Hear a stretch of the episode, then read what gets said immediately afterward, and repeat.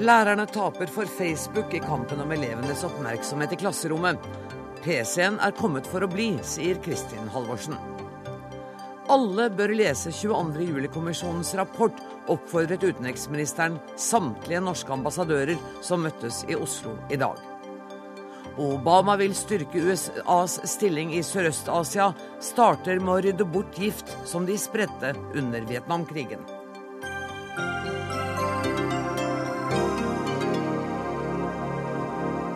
Dette er noen av sakene i Dagsnytt 18 der vi også skal eh, debattere revolusjonens mulige framtid i Norge, men aller først. I kampen om oppmerksomheten i klasserommet er det PC-en og ikke læreren som vinner, viser forskning. Så å si uforstyrret får elevene surfe på nettet i stedet for å høre hva læreren har å si. Og du er den som har funnet ut dette, forsker Marte Blikstad Ballas. Du er ved Universitetet i Oslo. Hvordan har du jobbet for å kartlegge PC-bruken i klasserommet? Ja, jeg kan si først at jeg er jo ikke den eneste som har funnet ut Nei. dette, heldigvis. Men det jeg har gjort som er ganske nytt, det er at jeg har brukt uh, sånne bitte små kameraer og festet de på hodet til elevene, altså som et pannebånd. Det er samme, samme eh, kamera som man bruker hvis man hopper i fallskjerm, f.eks. Og da, man, da, har jeg det på fire elever av gangen i, som sitter rundt omkring i klassene, og så ser jeg på minutt for minutt hva de har brukt tiden sin på. Og da har jeg funnet at det er veldig mye PC-skjerm. Jeg ville trodd at når du fikk det kameraet som pannebånd, så ville du prøve å være litt flink elev og ikke surfe så mye på nettet. Det er ikke så mye som tyder på det i min studie. Nei, nei. For hva fant du? De surfer på nettet, og hva gjør de? Altså Det jeg ser, det er eh, mye av det vi vet fra før. altså At elevene i Norge har veldig god tilgang til PC, og det er bra. Og de har veldig god internettilgang. Og, og de har mulighet til å bestemme selv hva de vil bruke dette til. Og den muligheten benytter de seg av, og de velger ofte da underholdning, er det jeg har funnet. At de velger f.eks. Facebook og mye spilling og blogger og avislesing, mens læreren da forsøker å drive helklasseundervisning.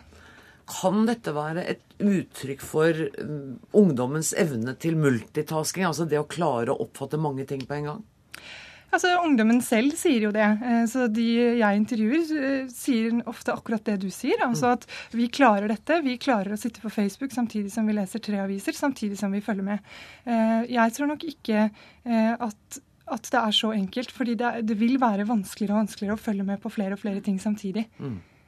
Har du snakket med dem om hvorfor de velger å gjøre dette istedenfor å følge undervisningen? Ja, Absolutt, for det er jo det som er spennende. Mm. Eh, og, og, det syns jeg er en veldig viktig presisering også. at i, i, mine data så sier elevene at de klarer seg bra på skolen fordi de kompenserer siden. Altså de leser f.eks. rett før en prøve, og de vet at powerpointen læreren bruker, blir gjort tilgjengelig for dem, f.eks. på classfronter og sånne eh, learning systems som, som gjør at alt ligger der. Og da kan de se på det rett før prøven da trenger de ikke å, å være der en uke i forveien f.eks. For så det jeg ser, er at lærerne eh, og elevene er, de har litt ulikt tidsperspektiv. Eh, og det er jo ikke så rart. Sånn er det ofte med voksne og barn, og barn generelt. Ja, men, men, hvilken aldersgruppe er det videregående du har undersøkt? Jeg har forsket uh, utelukkende på det siste året, altså på avgangselevene mm. i videregående skole. Da er det vel litt overraskende at så mye av skoletida går med til uh, Facebook og chatting og spill? Ja, så Jeg har jo sett på den skoletiden som blir brukt til helklasseundervisning, og vi vet at det er mye helklasseundervisning. Mm. Så ja, det er, jo, det er, jo, kanskje urovekkende. Om det er så veldig overraskende, det vet jeg ikke helt. altså. Jeg syns nok ikke det. Har du snakket med lærere om dette? Altså, Jeg er jo lærer selv, mm. Eh, og mange lærere kjenner seg igjen i dette. Eh, så, så, jeg vil jo ikke tro at dette er veldig overraskende for lærerne. Forsøker de å gripe inn? Forsøker de å stanse det? Hva gjør lærere? Altså I min studie så er det jo da sånn at uh, elevene har denne friheten. Så da betyr det at det ikke er så mye uh, Man kommenterer ikke så mye eksplisitt hva PC-ene blir brukt til. da. Mm. Kristin Halvorsen, eh, velkommen hit. Eh, du er statsråd med ansvar for dette feltet. Eh, du har vært på Frydenberg skole i dag sammen med statsministeren. Ja. Og hva lærte du? Det eneste du lærte i dag, var at Jens hadde problemer med matte til han var 20 år, eller var det Ja, det, det har jeg jo vært klar over. Men så har han, han kompensert siden, da. Så sier bare noe om at vi må satse på matteundervisning, så man får det litt jevnt fordelt gjennom livet. Ja, ikke sant. Men, men så du mye PC-laptoper stående oppe? Nei, ikke Nei. der. Nei. Det var, eh, men det var jo en, en aula og med samme, ah, ja. en sånn type forsamling. Men det problemet så, vi snakker om nå, det er jo litt interessant, for det er jo ikke så veldig lang tid siden man satt i dette studio f.eks. og snakket om at det var et problem at ikke alle elever hadde sin egen PC. Ja, men det er jo sånn at alle hva skal si, læremidler kan brukes med vett og forstand eller misbrukes. Det er også sånn at noen har smuglest eh, før PC-ens tid eller skribla rundt. Men jeg tror det er ekstremt krevende å være lærer og klare å holde på oppmerksomheten. Mm. Og jeg tror ikke elever er så veldig annerledes enn voksne. For hvis du ser deg rundt på et litt kjedelig møte, så er det utrolig mange voksne også som er langt inn i Facebook eller på nett eh, og leser aviser eller hva det måtte være. Vi har jo til og med sett bilder fra rettssalen hvor en meddommer satt og la kabal. Ikke sant. Så, ja. ja. Men ikke sant. Sånn at det er eh, Og da er det ikke så rart om dette er noe som, ikke sant, som drar oppmerksomheten til eh, unge mennesker. Og det er helt rett og rimelig at skolen og lærerne blir enige om noen regler for hva som skal gjelde. Eh, vi får jo stadig bedre virkemidler som gjør at lærerne f.eks. kan følge med på hva holder elevene på med. Det syns jeg er helt rimelig. Eh, å lære å være i en læringsprosess, det er en aktiv prosess fra eh, elevene. Og sånn svingdørskunnskap som du får hvis du bare leser kvelden før en prøve, det sitter ikke og er ikke til så mye hjelp for resten av livet. Her snakker si noen av oss av privat, helt personlig ja, erfaring. Ja, ikke sant. ikke sant. Men jeg var, jeg var, eh, på en skole i et utland, og der hadde, der hadde de faktisk montert svære speil på hele bakveggen i klasserommet. Læreren sto på kateteret og så hva som var på den enkeltes uh, laptop. Og det var jo ikke verken spesielt avansert eller spesielt dyrt eller noe som helst, men full kontroll. Er det noe du kunne tenke deg? Ja, jeg, jeg, er opptatt av at en blir enige om noen regler for hvordan en skal bruke dette. Jeg syns ikke det er urimelig at lærerne har en viss eh, kontroll over mm, eh, misbruk. Det er mange fristelser, og jeg tror også elevene eh, vil ha forståelse for det. Og det vet vi at mm, mange steder så klarer man å bli enige. Jeg har jo lest intervju med elever også som syns det har vært en lettelse de timene hvor man ikke har hatt PC-en inne. For det er jo ikke alle timer at den trenger å være til stede. Det går an å få litt hjelp til å motstå fristelser. Mm. Mimmi Bjerkstrand, du er leder av Utdanningsforbundet. Hvordan opplever lærerne, I hvilken grad opplever lærerne denne konkurransen med PC-ene? Det er helt klart at Undersøkelser som også vi har eh, gjennomført, der forteller lærerne våre at uh, det er svekker konsentrasjonen. Det går utover uh, læringsmiljøet og læringsresultatene. Uh, altså at fristelsen hos elevene er så store at de bruker tiden på noen annet ting enn det som er i undervisningssituasjonen. Og vi er jo helt enige i at den fristelsen er stor, og vi mm. skjønner den fristelsen.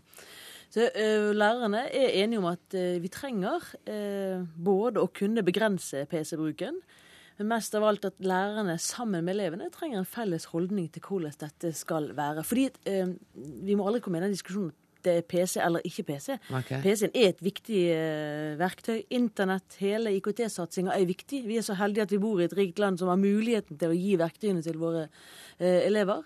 Men det må altså være eh, rett og rimelig at en også har begrensninger i det. Og så tror jeg at det er klasseromsundervisningen her som er øh, forsket på. Veldig bra at forskere gir oss disse resultatene, for det setter fokuset på det. For det handler også om hvor mange elever disse lærerne kan øh, følge opp. Mm når eh, IKT-en skal være en delaktig del av undervisningen, læreren skal bruke verktøyet bedre i undervisningen, det har dere også funnet ut, veldig bra, da må en altså sikre at det er ikke for mange elever i hvert klasserom for hver lærer, slik at de kan følge opp elevene. Mm. Men når, når, du snakker om at man må utvikle holdninger som skaper en felles forståelse mellom lærer og elever, så kjenner jeg at da blir jeg ganske utålmodig, for mm. det er litt, litt abstrakt og det er litt høyt opp og langt fram. Finnes det metoder, er det noen av de forslagene du har sett nå, som dere kunne tenke dere å ta i bruk for at ikke så mye av skoletida skal brukes til spill og chatting? Ja, vi har gode erfaringer. F.eks. begrensninger i tilgang i perioder av skoledagen. Mm. Der en legger ned muligheten til å gå ut på nett i timer, i deler av timer, i deler av skoledag. Slike begrensninger tror jeg en kan bli enige om på den enkelte skole. På Nesodden på videregående skole der har de hatt veldig gode erfaringer med ganske strenge og tydelige regler. Der sier elevene at det er veldig bra at de i fellesskap vet hva som er reglene. Mm. Når er begrensningen der?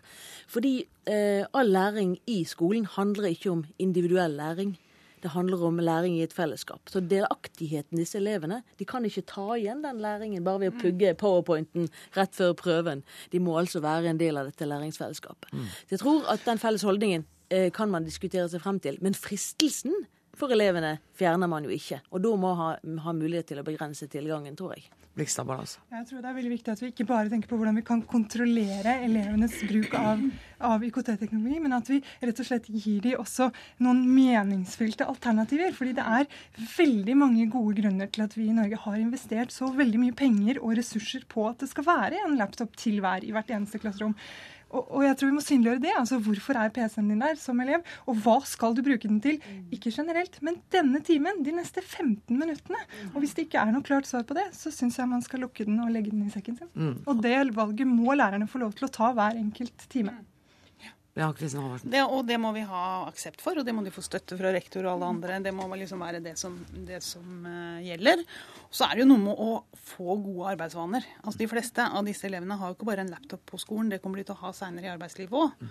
Og de blir ikke noen spesielt respekterte eh, medarbeidere hvis det er en som eh, stort sett sitter og drømmer seg bort. Det holder ikke i arbeidslivet, og det kan de like gjerne lære seg på skolen. Og så er, det, er det et annet moment som jeg tenker at de fleste av, av, elevene ligger vel et hestehode foran lærerne når det gjelder å utnytte den PC-en de har. Eh, og dermed så blir det ikke så utfordrende det læreren lar dem gjøre på PC-en. Du har helt rett i at, uh, at, i teknologien og utprøvingen av veldig mye av dette, så ligger mange elever foran, foran lærerne. Så lærerne trenger å få oppdatert sin kompetanse og kunnskap både på bruken av det og mulighetene for det. Eh, det er satsing på at en skal ha mer variert undervisning. En skal ikke bare sitte i klasserommet og motta. Eh, da må man altså læreren kunne vite hvordan man gjør det. Da må du ha ikke så mange elever i hver klasserom, og du må ha god kunnskap om dette. Kunne begrense det, men ta det i bruk. Jeg tror det er helt, helt eh, riktig. Men den profesjonaliteten ligger jo i klasserommet mm. hos læreren. Våre lærere kjenner den utfordringen hver eneste dag, fordi fristelsen hos elevene er veldig store. Eh, da må vi også legge tilliten til lærerne, at det er de som må sette de begrensningene. Marte Blikstad du er også lærer. Hvor frustrerende er det Nei, For meg er det ikke så veldig frustrerende, fordi jeg pleier ofte å be elevene mine om å legge PC-en vekk. Men jeg tror det kan være ekstremt frustrerende hvis man jobber på en skole hvor det f.eks. er vedtatt, fordi foreldrene mener det, at PC-en skal være oppe hele tiden, eller at det er avgjort og vedtatt at sånn skal det være her, at mm. PC-en er din, og den kan du som elev benytte deg av når du vil. For det tror jeg er veldig frustrerende for lærerne. Dette er, dette er et valg lærerne må få ta. Ja, dette, jeg satt og tenkte at dette er den første debatten om skole jeg har hatt uten at foreldrene er nevnt. Nå er de nevnt. Og Kristin Halvorsen, det er jo uholdbart hvis foreldrene liksom skal kreve at laptopen skal være åpen hele tiden. Ja, Det syns jeg er helt uhørt. Det har rett og slett ikke foreldre noe med å kreve.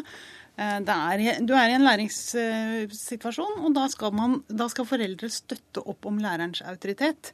Fordi det er ganske krevende å være lærer i en, si, i en sånn konkurransesituasjon. Og hvis de tenker seg litt om, så skjønner de det sjøl.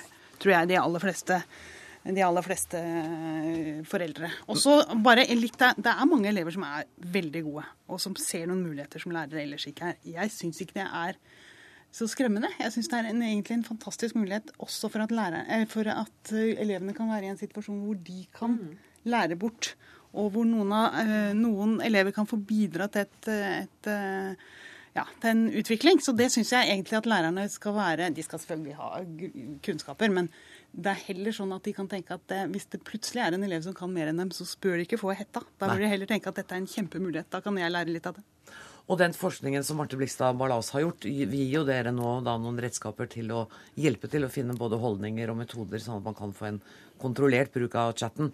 De kan kanskje være glad for at ikke elevene sitter og kaster lapper, som vi gjorde Noen, veldig vi... mange rampestreker i gamle dager også. Tusen takk for at dere kom, eh, Marte Blikstad Ballas, forsker Kristin Halvorsen, undervisningsminister og Mimmi Bergstad, leder av Utdanningsforbundet. Hør Dagsnytt 18 når du vil, på nettradio eller som podkast. nrk.no – dagsnytt 18.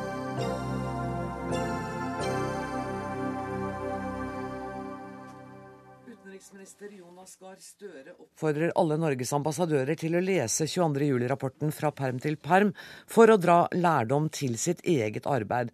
Dette var altså én av oppfordringene han hadde da utenrikstjenesten møttes til det årlige stasjonssjefsmøtet i Oslo i dag. Velkommen, utenriksminister. Um, Forventer du virkelig at eh, de kommer til å lese en over 500 sider lang rapport? Ja, det var ikke bare en oppfordring. Jeg Det var en ordre? Ja, det var det. Eh, Og de kommer til å få rapporten i hånda fra meg i løpet av uka.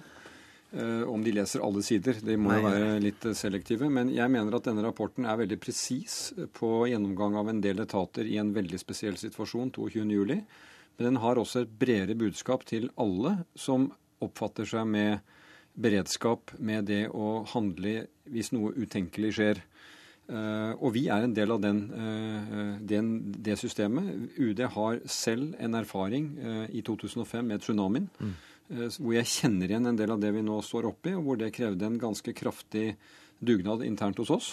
Så jeg brukte den anledningen til å si at dette må vi lese, vi må trekke lærdommer av det. Jeg mener vi er kommet veldig langt siden 2005. Og jeg har vektlagt det at det bunner i et lederansvar. Og i UD har vi jo mange ledere, for vi har 103 stasjoner ute, og vi har viktige avdelinger hjemme. Og lederne må føle på det ansvaret, og det, det bunner i noe som er så vanskelig som kultur. Eh, Og det bør vi altså sette hverandre i stevne om når vi møtes sånn som vi har gjort i dag. Jeg hadde tenkt å gå litt eh, videre på erfaringene fra tsunamien, men, men jeg syns at stikkordet er allikevel kultur. Du sier noe så vanskelig som kultur. Går det an å presisere litt hva du legger i det begrepet når det gjelder ledere ute? Ja, det, det, det, det handler altså eh, For utenrikstjenesten på dette feltet mener jeg om to ting. Det ene er at lederen må føle ansvaret for å ha en plan for beredskap, og å øve den planen. Det er det klar instruks om oss, og vi, må, vi følger opp at det skjer. Eh, Men en forlengelse av det er at den faglige jobben til utenrikstjenesten er å følge med på en verden i endring, hvor det kan skje dramatiske ting. En krig i Libanon krever at vi må evakuere 1000 nordmenn.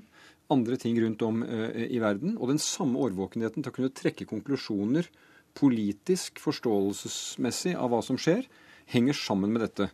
Så det handler altså om kultur, i den grad kultur er på en måte den stemningen og holdningen vi har til arbeidet vårt. Eh, og de siste årene så tror jeg vi har fått både blitt prøvet nesten ukentlig et eller annet sted i verden på en situasjon som krever at de mobiliserer det. Men jeg er veldig opptatt av å kommunisere at vi kommer ikke fram. Vi er ikke framme en gang for alle. Dette er en kontinuerlig ting. Og som jeg sa i dag, dette er et eh, amerikansk sitat, at kultur spiser strategier til lunsj. Og med det betyr at du kan ha så mange strategier og planer du vil ha, men hvis kulturen og holdningen i organisasjonen ikke vil, eh, vel, så blir ofte planer planer og strukturer strukturer. Det du snakker om nå, naturlig nok, er ditt ansvarsområde for dine ledere eh, i utenrikstjenesten. Eh, kunne du tenke deg å brukt noe av den samme talen overfor dine kolleger i regjeringskollegiet, f.eks.? Du, nå skal jeg si at på side 444 i den rapporten Du har lest alle? Ja, jeg merket på den siden. Jeg har ikke lest alt, men jeg merket på den siden. Der skriver kommisjonen at de mener at uh, etatene i staten, departementene, bør være mer frimodige og si til hverandre hvis de ser ting som ikke uh, de syns fungerer. Det må alle ta til seg. Og jeg tenker at det kan jo være folk som kommer på besøk til UD, som går fra UD og tenker at er de helt på ballen? Og da foretrekker jeg at de sier fra. Eh, På samme måte som jeg tror kanskje vi må være tydelige til å si fra til hverandre. Vi skal ha regjeringskonferanse på torsdag hvor beredskap kommer til å stå i fokus. Statsministeren har vært krystallklar på dette. Eh, Så det tror jeg er en del av den jobben vi nå alle må gjøre.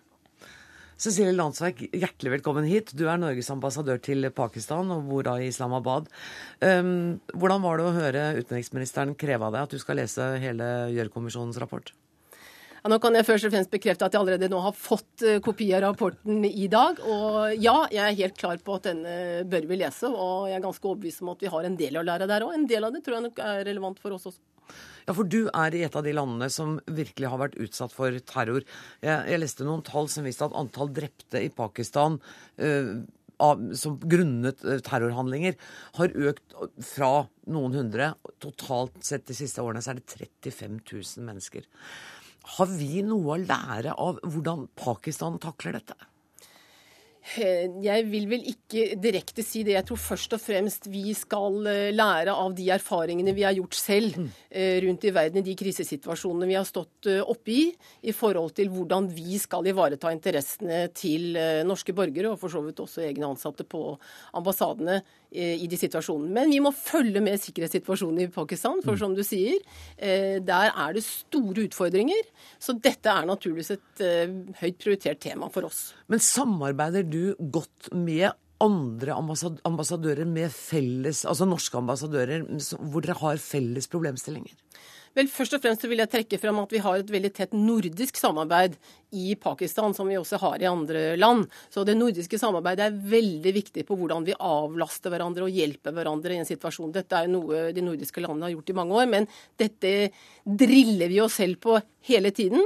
Vi har jo også samarbeid med EU på sikkerhetssiden eh, mer og mer. Eh, men så har vi naturligvis eh, hvordan vi sammenligner oss også på hvordan andre ambassader lager sine beredskapsplaner osv. Det har vi jo tekniske løsninger på, hvordan vi kan følge med internt i systemet. Føler du da at oppfordringen fra utenriksministeren er litt overflødig når det gjelder ditt arbeidsområde? At dere egentlig er der hvor han krever at alle skal være? Altså Jeg kan bare si meg helt enig at man er aldri fremme når det gjelder sikkerhet. For det er noe vi må trene på hele tiden. Mm. Man blir aldri utlært. Og det betydningen det har å særlig ha øvelser Eh, hvor man stadig jevnlig trener seg opp på å være klar i en krisesituasjon, det er kjempeviktig. For eh, jeg sier alltid til min stab at eh, djevelen er i detaljene når det gjelder kriser. Ting man ikke så når man laget flotte planer, de ser vi når vi øver. Det er først da vi ser akkurat hvor svakhetene er, og det blir vi aldri ferdig med. Denne kulturen som utenriksministeren snakker om, er du enig i at den også kan forbedres? Kultur kan alltid forbedres. Vi, Vi snakker om ledelseskultur, da. Jeg vil trekke frem det i UD at der skifter vi jo jobb ganske ofte. Det er litt spesielt i UD kanskje i forhold til andre etater. Det gir oss mange muligheter, det gir oss også en del utfordringer. Men det gir oss kanskje også muligheten på å teste oss selv litt på ledelseskultur og hvilke eh, sider av ledelse som vi syns er viktig. Så vi får jo sjansen til å justere det kanskje oftere enn mange andre. I hvert fall så er det noe jeg syns vi er rimelig bevisste på. Men som sagt, det er utfordringer også ved å skifte ledere så ofte.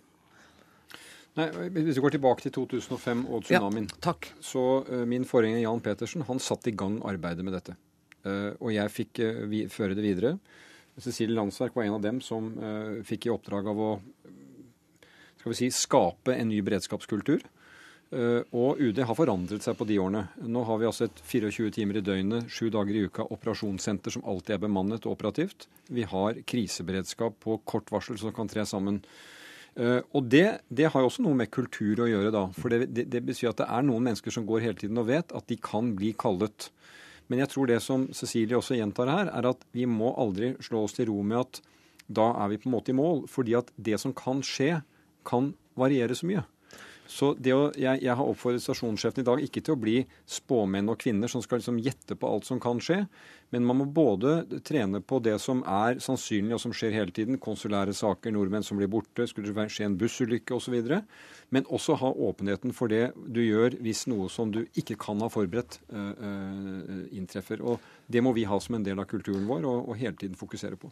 Men jeg kan ikke la være å tenke at den, de store endringene som du sier har skjedd i Utenriksdepartementet med den døgntjenesten og alt dette, og at folk er på alerten og i beredskap Det ville vel ikke ha skjedd så fort om vi ikke hadde fått en vekker ved en tragisk tsunami? Helt riktig. Og, og det tror jeg vi bare må ta helt inn over oss. Uh, og det jeg forsøker å si i dag, er at vi, vi, bør jo være der at vi ikke behøver en katastrofe mm. for å kunne oppdatere og være i bevegelse. Så vi må jo forsøke, iallfall om vi fikk et momentum etter 2005, og det mener jeg vi fikk, holde det ved like. Og Det er derfor jeg mener at denne kommisjonsrapporten, som jo uh, har veldig mange presise uh, anmerkninger i forhold til uh, ulike forhold, den har også fem konklusjoner som er generelle. Mm. og annet så påpeker den jo det at det den mener man kan gjøre noe med, det handler egentlig ikke om mer ressurser, grunnleggende andre verdivalg, men det handler om holdning, ansvar og ledelse. Og hvis ikke vi, når vi har samlet alle lederne i UD uka etter, sier at dette må vi gå gjennom og se på, vel da gir vi iallfall fra oss en sjanse vi har til å, til å holde oss selv i øra. Hvis jeg inviterer dere tilbake om eh, ett år, vil dere da kunne vise til konkrete resultater av det arbeidet som nå er satt i gang på dette stasjonssjefet? Jo, men jeg mener, for å være helt ærlig med hånden på hjertet, vi er i ganske god shape i Rute UD. Så det er ikke sånn at vi nå skal gjøre en dugnadsarbeid Nei, det på det.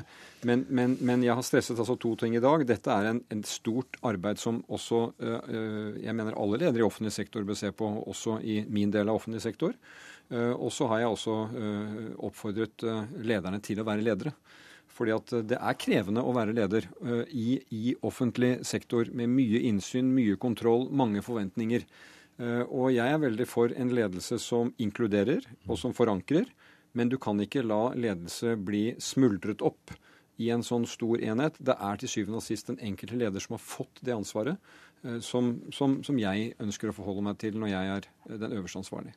Og jeg har fått ansvaret for å si at nå må jeg si tusen takk til eh, dere. Tusen takk Cecilie Landsverk, Norges ambassadør til Pakistan, og utenriksminister Jonas Gahr Støre.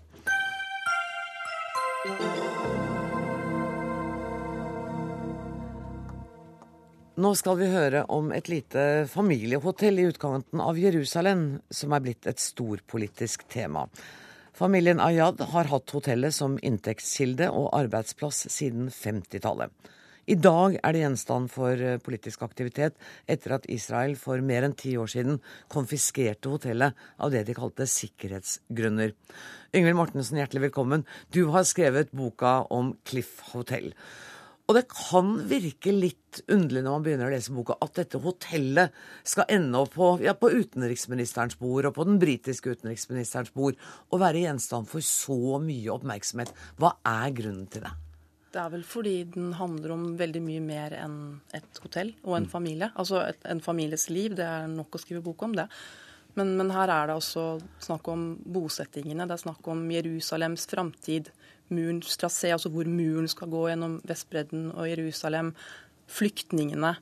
Eh, og kort fortalt eh, den fortsatte fordrivelsen av det palestinske folket fra deres eiendommer. Det som skulle bli Palestina. Staten Palestina og altså tostatsløsningen.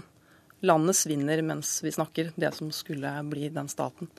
Eh, alt dette er, finner man i hotellet og nabolaget til hotellet. Og det er slik at fortsatt en dag i dag så har de ikke tilgang til hotellet sitt? De har ikke tilgang til hotellet. I dag så er det rett og slett en militær kontrollpost på veien til en foreløpig liten bosetting som heter Kidmatsion, som ligger noen hundre meter lenger sør. Og der er det planer om å utvide med 500 boliger. Eh, og Det er et forslag som er fremmet av Jerusalem kommune, så det er altså myndighetene som står bak. Men det er private interesser da, som jobber for å, å, utvide den bosettingen. Det er Ali Ayad og hans norske kone Signe Marie Breivik som fortsetter kampen for hotellet sitt, og den har de holdt på med i mange år. Og så er de rammet av noe som heter fraværende lover.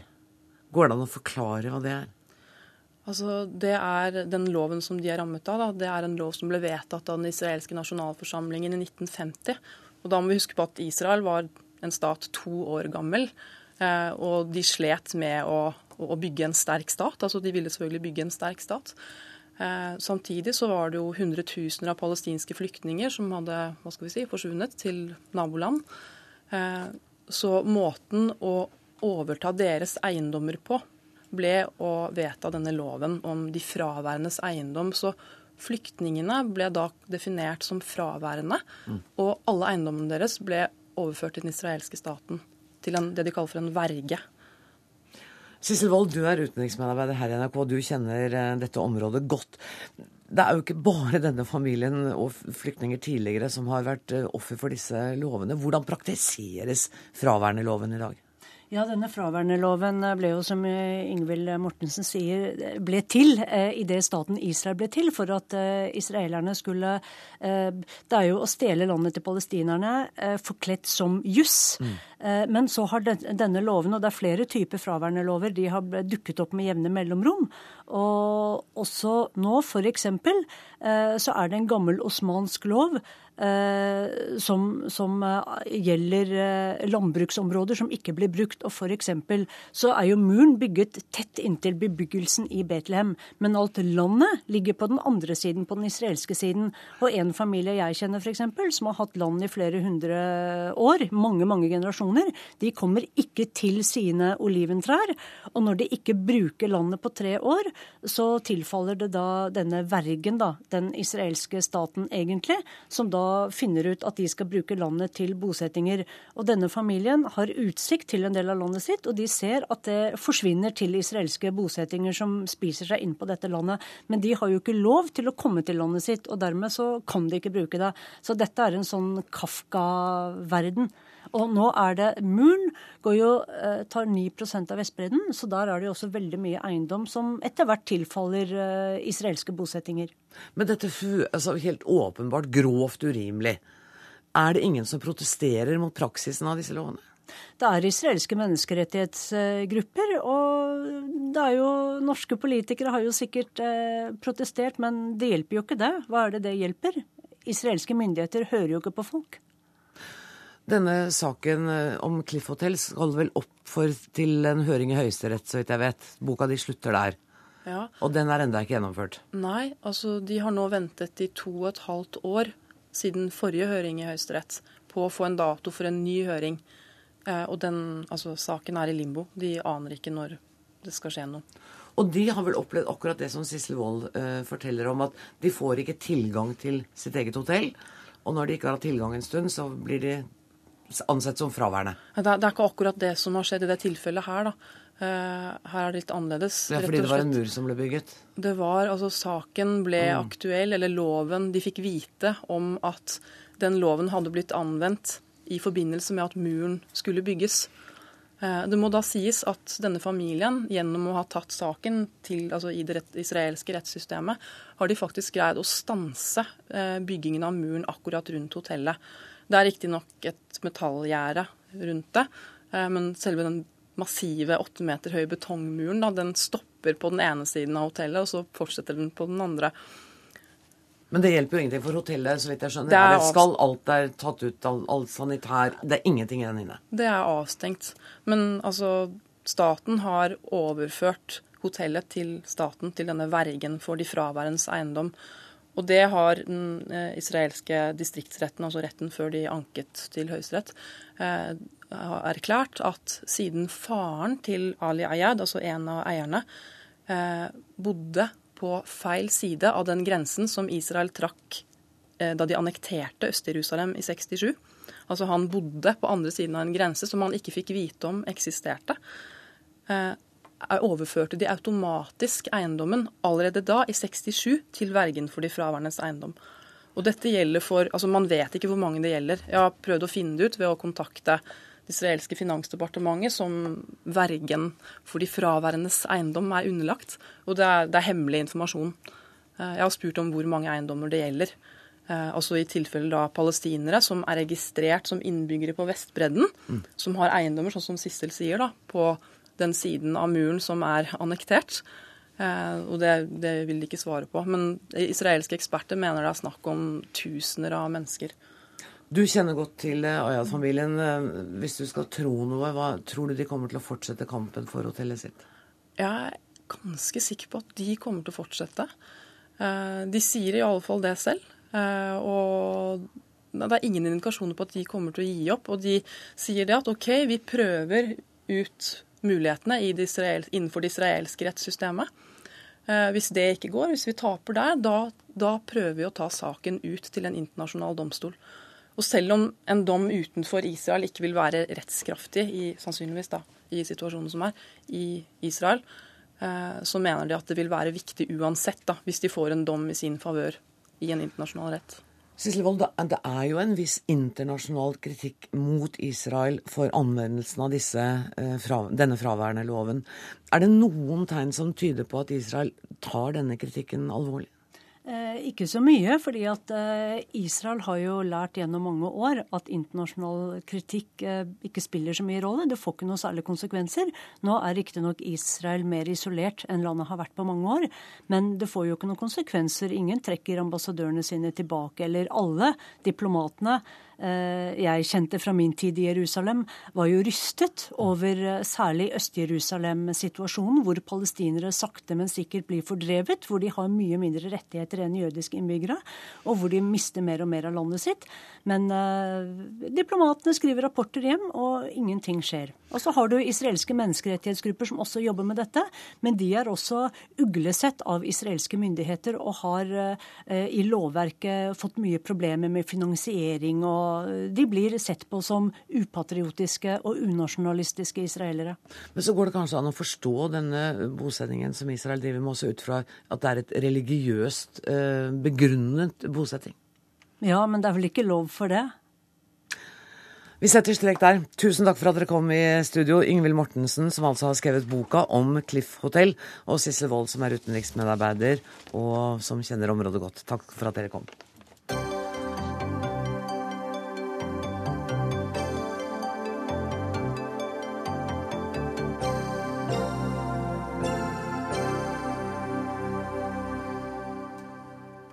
Norge blir styrt fra Brussel, mener partiet Rødt, som har revolusjon på programmet. De vil velte kapitalen og bygge et nytt samfunn. Akkurat nå ligger partiet an til å få tre representanter på Stortinget, hvis det hadde vært valg i dag. Og dette er den største oppslutningen den røde røsla noensinne har hatt i Norge. Bård Larsen, du er historiker, og du er tilknyttet den liberale tankesmia Civita. På nettstedet Minerva skriver du at du ikke kan forstå at noen vil stemme på Rødt hvis de har et demokratisk sinnelag. Hva mener du? Eh, med det mener jeg at hvis man leser programmet til, eh, til, Rødt, så er det noe annet enn det man får inntrykk av eh, gjennom eh, flinke herr Moxnes f.eks., som presenterer Rødt som et eh, Ole Brumm-parti, et eh, snilt parti som vil gi og uh, gi rundhåndet. Uh, men hvis man da går til programmet, så er det et, uh, et veldig gammeldags program som kunne vært skrevet på 20-tallet. Hvor du har gamle begreper som revolusjon, og at arbeiderklassen skal okkupere sentrale institusjoner i samfunnet, ta styring over bankene at uh, makthaverne skal bruke alle tilgjengelige midler for å holde på sine privilegier, og at man må avvæpne militærmakten og antagelig, slik det fremstår, rette dem mot borgerskapet. Og Man lurer jo også litt på hva dette borgerskapet er, om ikke det er veldig mange av de som også stemmer Rødt. Jeg likte uh, altså det, det, som satte meg litt tilbake det var en sosialistisk revolusjon vil ikke kunne seire uten at borgerskapet avvæpnes og folket tar kontroll over militærmakta. Det var vel omtrent du ja. sa, bare at jeg siterte ordet. Mm. Jeg vet ikke, Det høres litt gammelmodig ut. Er dere så gammelmodige, Moxnes? Og udemokratiske? Nei, altså jeg skjønner jo uh, hva Bård Larsen uh, snakker om. Uh, for det er jo ingen tvil om at, at, NKP i sin tid, i sin støtte til Sovjetunionen, godtok overgrep i sosialismens navn. Det samme kan også, og, og, bør også sies om AKP, ML og Kina i sin tid. Men dette er jo vi ferdig med for lenge siden. Vi er jo konsekvente demokrater. Vi vil ha et samfunn med mer demokrati, med mer frihet for hvert enkelt menneske. Og Det har kanskje ikke Bård Larsen fått med seg. Eh, eller Kanskje han ønsker en situasjon hvor venstresida er utydelige eh, på demokrati, men vi er i hvert fall helt konsekvente eh, på vårt standpunkt for folkestyre.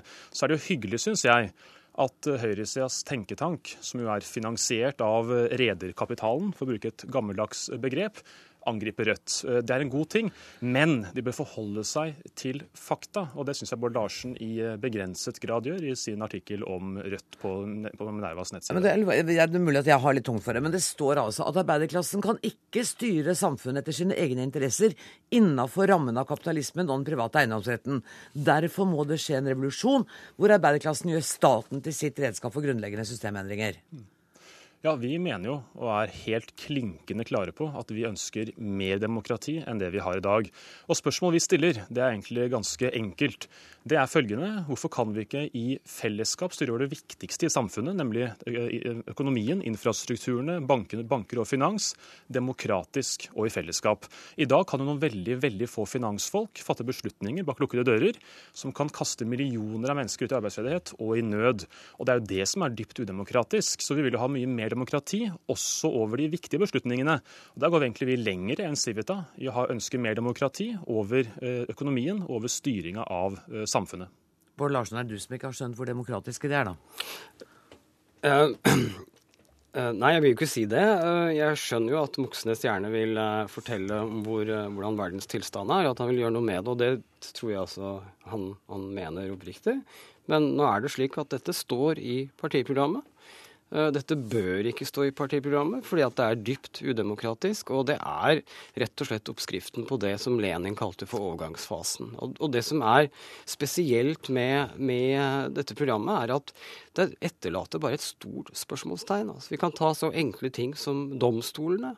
Grunnloven etter en revolusjon hvor de sentrale samfunnsinstitusjonene er underlagt revisjon. Og nok en gang arbeiderklassen som går igjen, borgerskapet, altså gammel, sånn, sånn antagonistisk, litt sånn fiendtlig Men la eh, meg språk. svare på, på spørsmålet og sitere fra programmet som er vedtatt, og som fins på nettet tilgjengelig for enhver som vil lese det. Det er følgende.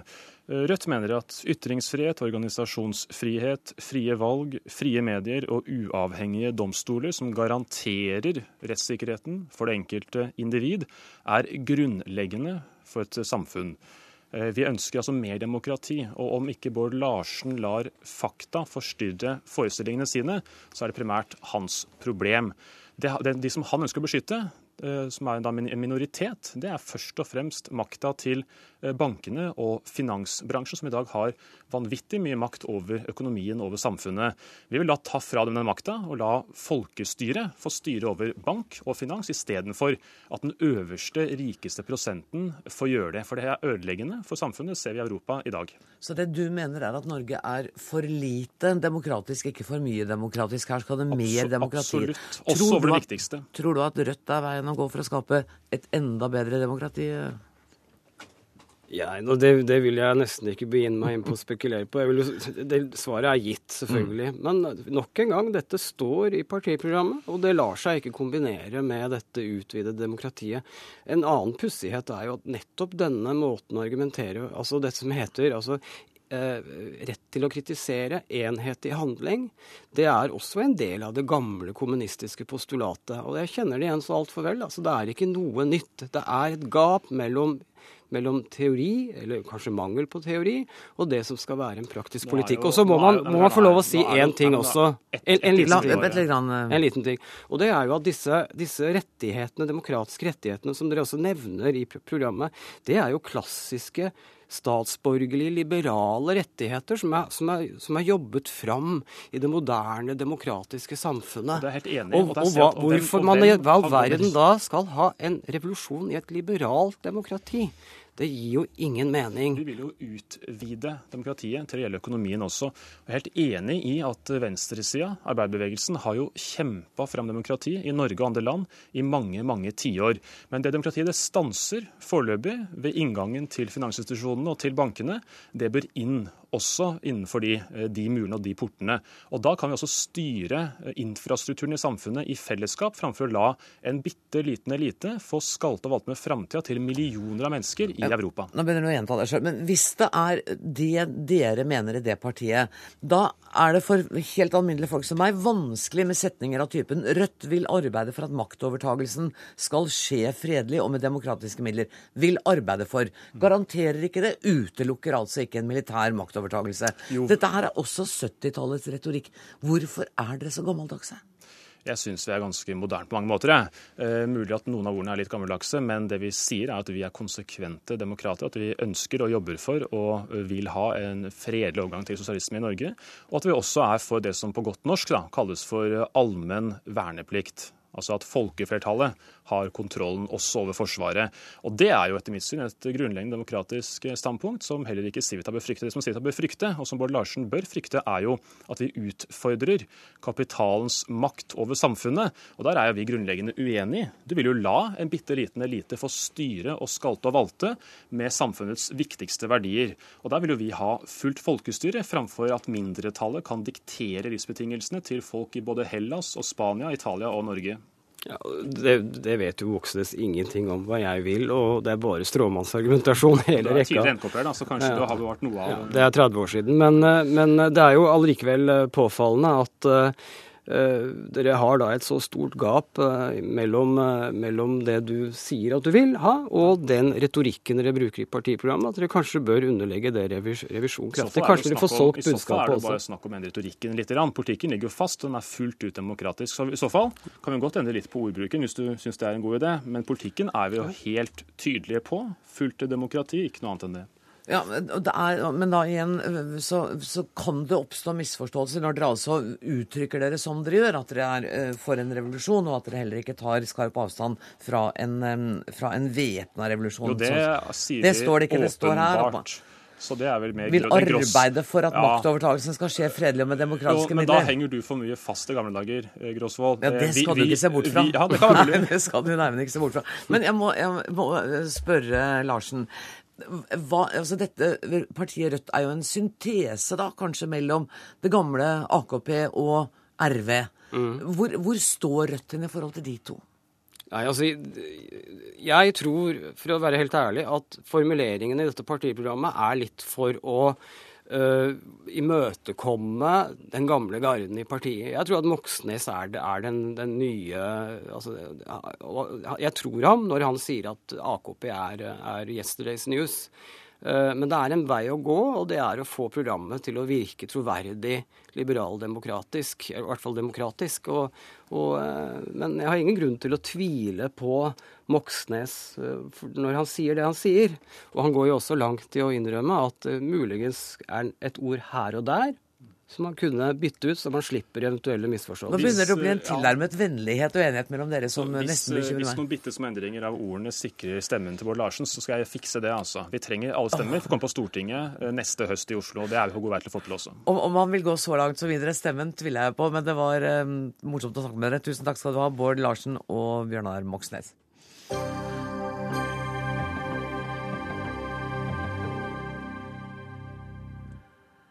Mer enn 40 år er gått siden amerikanske fly spreiet vietnamesiske trær så bladene falt av. Plantegiften Agent Orange skulle sørge for at FNL-soldater ikke skulle ha vegetasjon å gjemme seg blant, men giften rammet sivilbefolkningen aller mest. Flere millioner vietnamesere ble rammet, og rundt 150 000 barn er født med misdannelser. USA har så langt avvist alle erstatningskrav, men nå vil eh, Obama-administrasjonen altså rense jorda på de gamle basene hvor giften ble lagret. Stein Tønneson, du er seniorforsker ved PRIO. Hva, hva betyr dette politiske signalet som Obama nå gir? Det er for så vidt en oppfølging av en forbedring i forholdet mellom Vietnam og USA som har pågått lenge, men har gått ganske langsomt. Men i det siste har det skutt litt fart, og det er først og fremst fordi at begge to frykter Kina. Så det er Kina, angsten for Kina, som gjør det. Det er litt sånn 'min fiendes fiende er min venn'. Absolutt. Vietnam er sterkt eh, opptatt av den kinesiske trusselen i Sør-Kina-havet. De har løst landegrensespørsmålet sitt. De vil gjerne kjøpe amerikanske våpen. De kan også tenke seg en del amerikansk tilstedeværelse og ha litt felles marineøvelser og sånt, men de vil ikke gå for langt. Amerikanerne er også interessert i å komme inn. De vil gjerne ha lov til å besøke den vietnamesiske kysten med et marineførtøy mer enn én gang i året, som de får lov til nå. Og Nylig var den amerikanske forsvarsministeren der, og da var han også til noens overraskelse på besøk i den gamle flåtebasen som amerikanerne hadde, som i mellomtiden har vært sovjetisk flåtebase. Og hvor nå amerikanerne er tilbake, ikke med base, men med mulighet for å komme inn og få reparasjoner, som det kalles. Men, men de siste i hvert fall 20 årene så har jo forholdet mellom USA og Vietnam blitt gradvis bedre. Eh, Man sier jo at Vietnam, vietnameserne har vært opptatt av 'forgive and forget', eh, og derfor har tillatt flere og flere amerikanske selskaper inn. Har det skjedd en ytterligere tildreining i hastigheten av det gode forhold? Ja, i høy grad. Mm. Normaliseringen av forholdet kom i 1995, egentlig etter nokså lang tid. Så fikk de handelsavtale i 2001. Og så kom medlemskapet i WTO, i Verdens handelsorganisasjon, som var den store tingen mellom Vietnam og USA da. Og hele tiden så har historien om Vietnamkrigen også spilt en rolle. Lenge var det mest dette med å lete etter 'missing in action', altså restene etter amerikanske soldater som man ikke har fått identifisert tidligere. Det er også inne nå. Noen nye letesteder er nå åpnet. Ja. Men dette med Agent Orange, det er en del av dette her. Det er ikke egentlig noe revolusjonerende det som skjer nå ved at vi skal rydde opp ved den gamle Danang-flybasen. Fordi dette har også vært på trappene en god stund, men det er satt inn mer midler i det akkurat nå. Og det innebærer ikke noen erstatning. Og det gir også en god grunn til å snakke om dette problemet som altså har eksistert der. For de sluttet vel å sprøyte med Agent Orange, så vidt jeg husker, i 1971. Men Ja. vi skal ta et uh, hopp tilbake i tid, til uh, tidlig om morgenen 30. april 1975. Da kom følgende rapport om Vietnam her på NRK. Reaksjonene etter presidentens tale viste seg snart. Hvite flagg ble hengt ut fra regjeringsbygningene inne i Saigon. Sørvietnamesiske soldater skiftet til sivile klær. FNL-flagg kom til syne, og etter kort tid kjørte de første stridsvognene med FNL-soldater inn i Saigon og tok stilling inne på presidentpalassets område. Den første gruppen med stridsvogner ble snart fulgt av andre. De førte FNLs flagg og var fullsatt med soldater som smilte og vinket til jublende mennesker. Saigons befolkning er lykkelige over å ha unngått det marerittet som et militært oppgjør om byen ville ha blitt. Gunnar Høydahl, det var deg vi hører rapportere om fra Vietnamkrigens slutt her. Men da var du ikke i Vietnam. Da satt vel du, så vidt jeg husker, i Hongkong. Du dro til Vietnam for å dekke freden et år etterpå. Hva fikk du se da?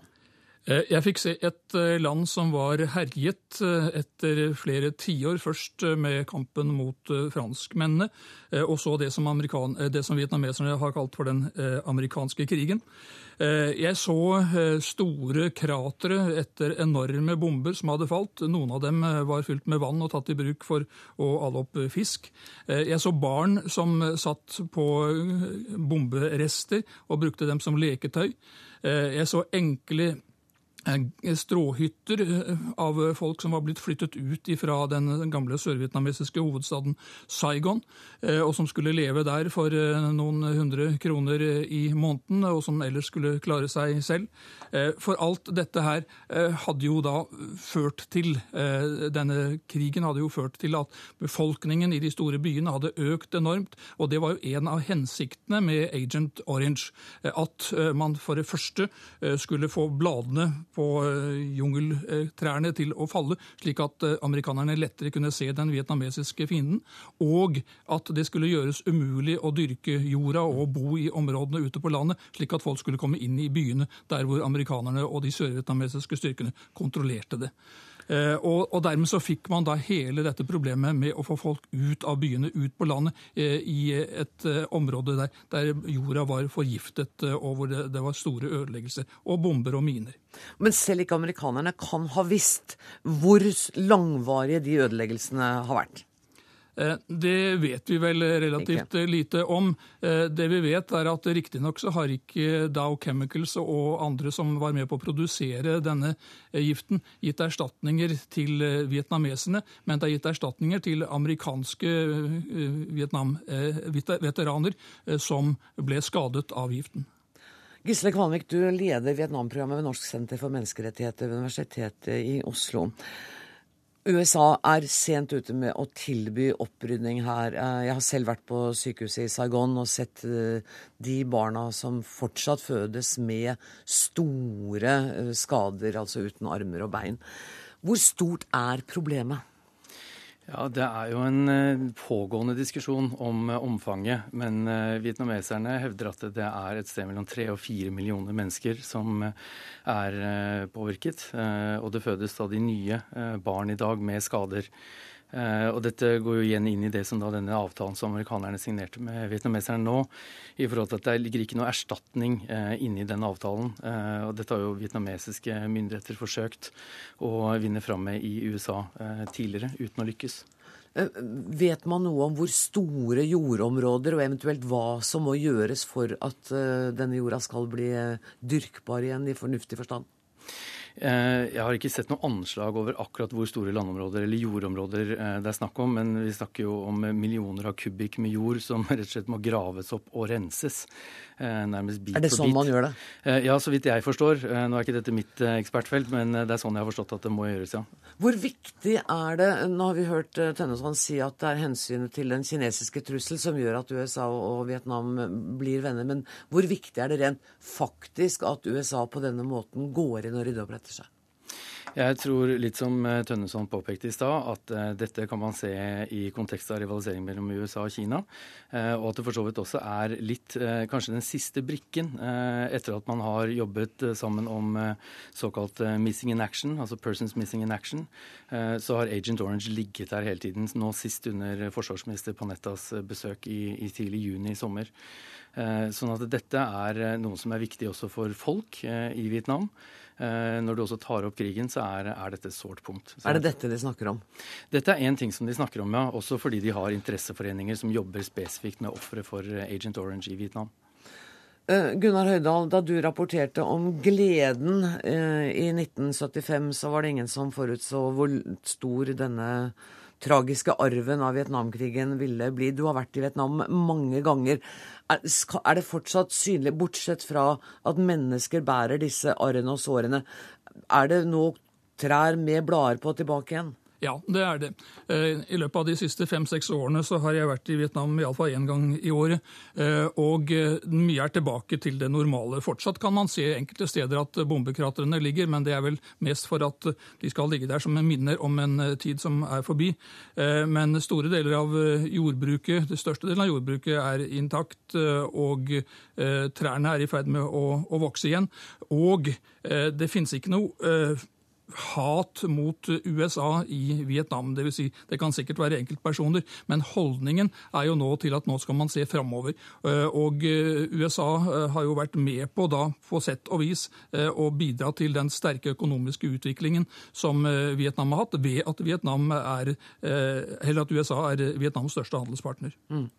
Og, Vietnam vet å utnytte denne situasjonen, utnytte USAs noe anstrengte forhold til Kina? Tønneson. Jo, det gjør det nok også, men det går egentlig begge veier. Ja. Man utnytter begge veier. Mm. Og det at dette Agent Orange-saken kommer inn her, gir meg egentlig en veldig sterk følelse av ubehag. Fordi at dette, er, dette må betraktes som å være noen krigsforbrytelse som ikke egentlig bare har med Vietnam å gjøre, men det er et globalt spørsmål. Og jeg syns det er så skammelig med de erstatningssakene som har vært ført. Fordi de, eh, både de amerikanske krigsveteranene har riktignok fått erstatning gjennom et oppgjør som advokatene deres fikk ut, med noen nokså små erstatninger.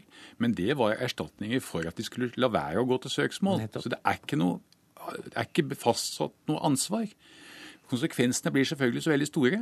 Og så det, skyver de da skylden på den amerikanske staten, som bare kan eventuelt dømmes etter folkeretten. For den kan jo ikke dømmes ved en amerikansk domstol for dette her. Men etter folkeretten så sier de at dette var ikke forbudt på det tidspunktet, fordi det var bare forbud mot kjemiske våpen brukt direkte mot mennesker.